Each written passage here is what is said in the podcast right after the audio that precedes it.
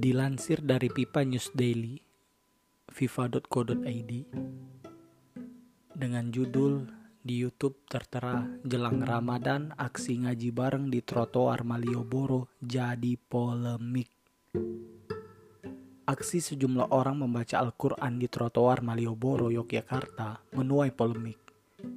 Video kegiatan tersebut viral di sosmed. Tampak dalam video orang-orang duduk di kursi dan mengaji apa yang salah dengan orang-orang mengaji?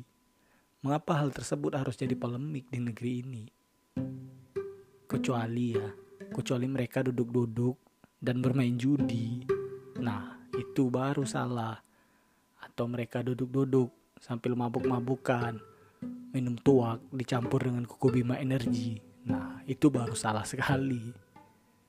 Lagian ini adalah kegiatan yang bernilai kebaikan dan digelar bertepatan dengan momentum datangnya bulan suci Ramadan.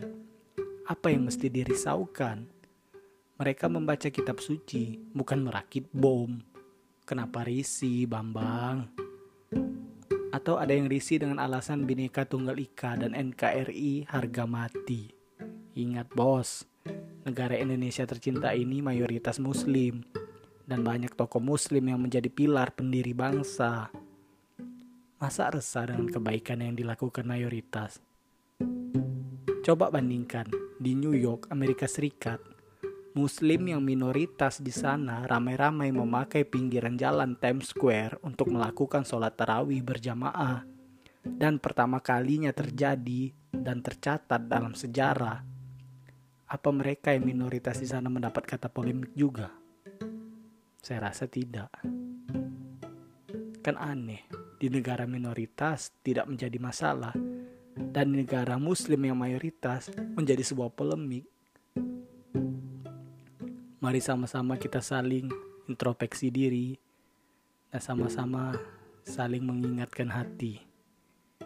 Ingat hadis dari Rasulullah, Baligu anni walau ayah.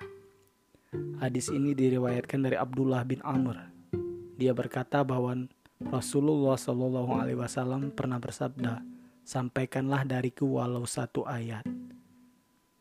Nabi mengajarkan kita, walaupun hanya satu ayat dan itu bernilai kebaikan, maka sampaikan. Jangan takut untuk dicemooh, dihinakan. Biarkanlah dunia menganggap kita bersalah. Selagi kita memegang sunnah dari Nabi tercinta Muhammad Sallallahu Alaihi Wasallam. Allahumma sholli ala Muhammad wa ala ali.